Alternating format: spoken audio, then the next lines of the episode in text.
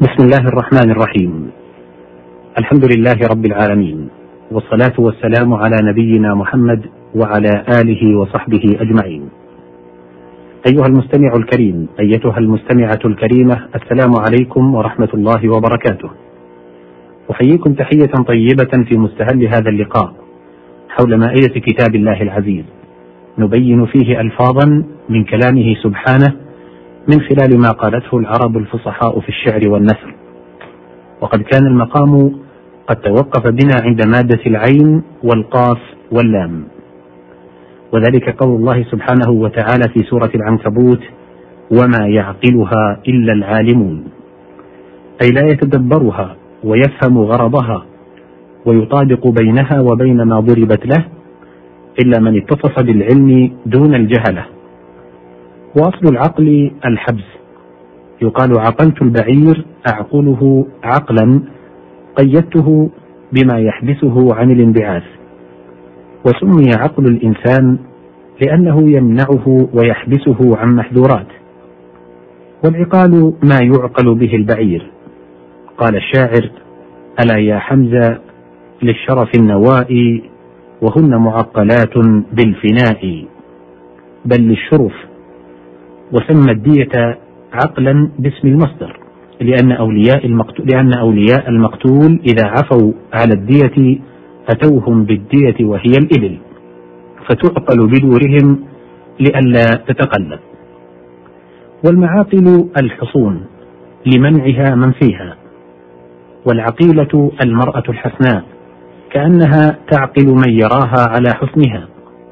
قال امرؤ القيس عقيلة أتراب لها لا دميمة ولا ذات خلق إن تأملت جأنبي.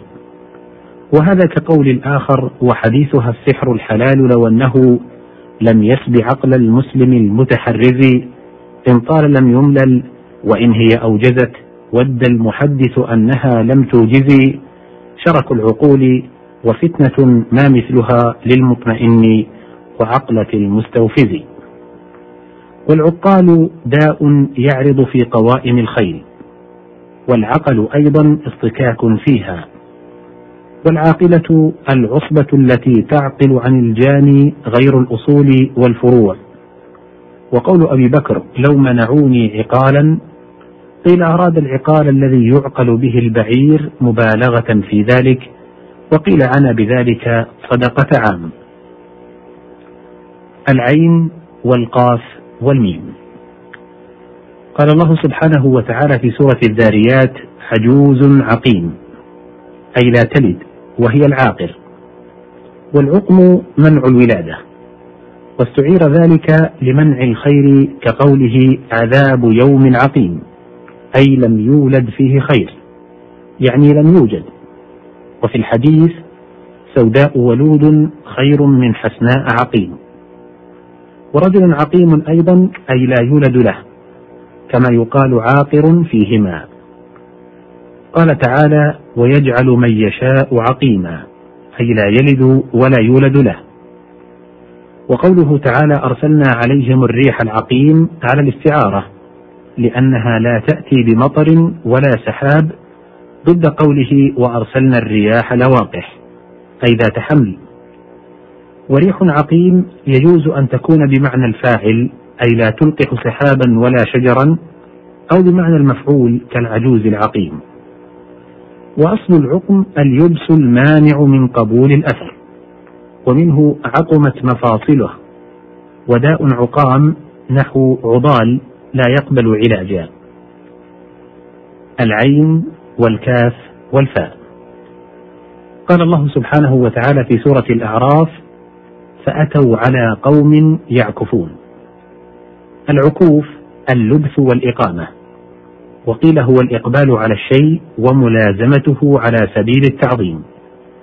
ومنه قوله تعالى وأنتم عاكفون في المساجد قوله لم نبرح عليه عاكفين أي ملازمين للإقامة. يقال عكف يعكف ويعكف عكوفا. العين واللام والقاف. قال الله سبحانه وتعالى في سورة المؤمنون ثم خلقنا النطفة علقة. العلقة القطعة من الدم وقيده بعضهم بالجامد.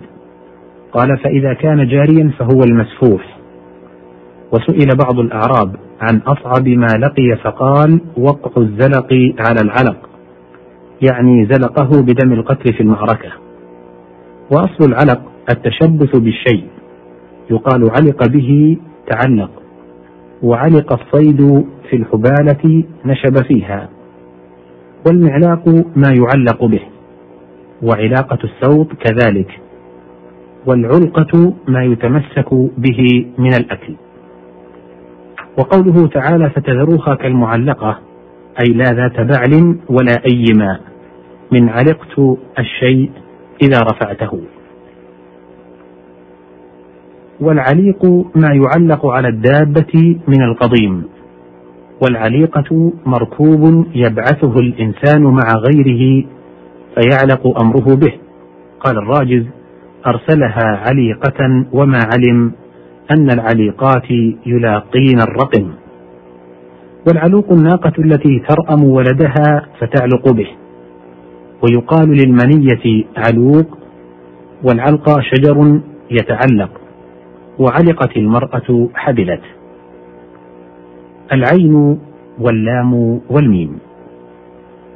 قال الله سبحانه وتعالى في سورة البقرة وعلم آدم الأسماء كلها أي عرفه إياها وأصل العلم إدراك الشيء على حقيقته وهو معرفة الشيء على ما هو عليه.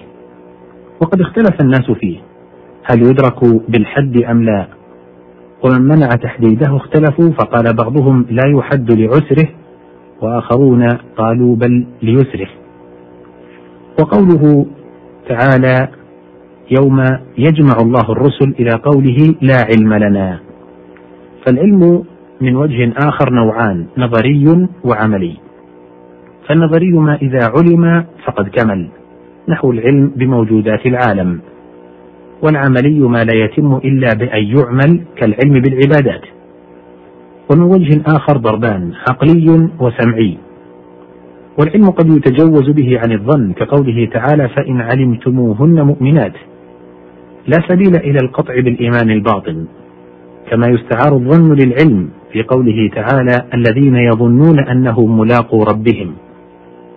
قوله تعالى فاعلم أنه لا إله إلا الله أمر بالقطع والبت وهو لم يزل كذلك وإنما هو تعليم لأمته ودل ذلك على وجوب علم التوحيد وما شاكله من أصول الدين. وأعلمته وعلمته بالهمز والتضعيف واحد إلا أن الاستعمال خص الإعلام بإخبار سريع والتعليم بما يكون فيه تكرير وتكثير حتى يحصل منه أثر في نفس المتعلم. قوله وعلمناه من لدنا علما قيل عنا به العلم الخاص الخفي على البشر الذي يرونه ما لم يعرفهم منكرا منكرا بذلك ما رآه موسى عليه السلام منه لما تبعه فأنكره بظاهر شريعته حتى عرفه وعلى هذا العلم في قوله قال الذي عنده علم من الكتاب وقوله تعالى في البحر كالأعلام أي الجبال ويقال لكل أثر يعلم به الشيء علم ومعالم الحرم وأعلامه حدوده ومنه العلم للراية. شبه السفن في البحر بالجبال الظاهرة لكل أحد والواحد علم قال جذيمة الأبرش ربما أوفيت في علم ترفعا ثوبي شمالات.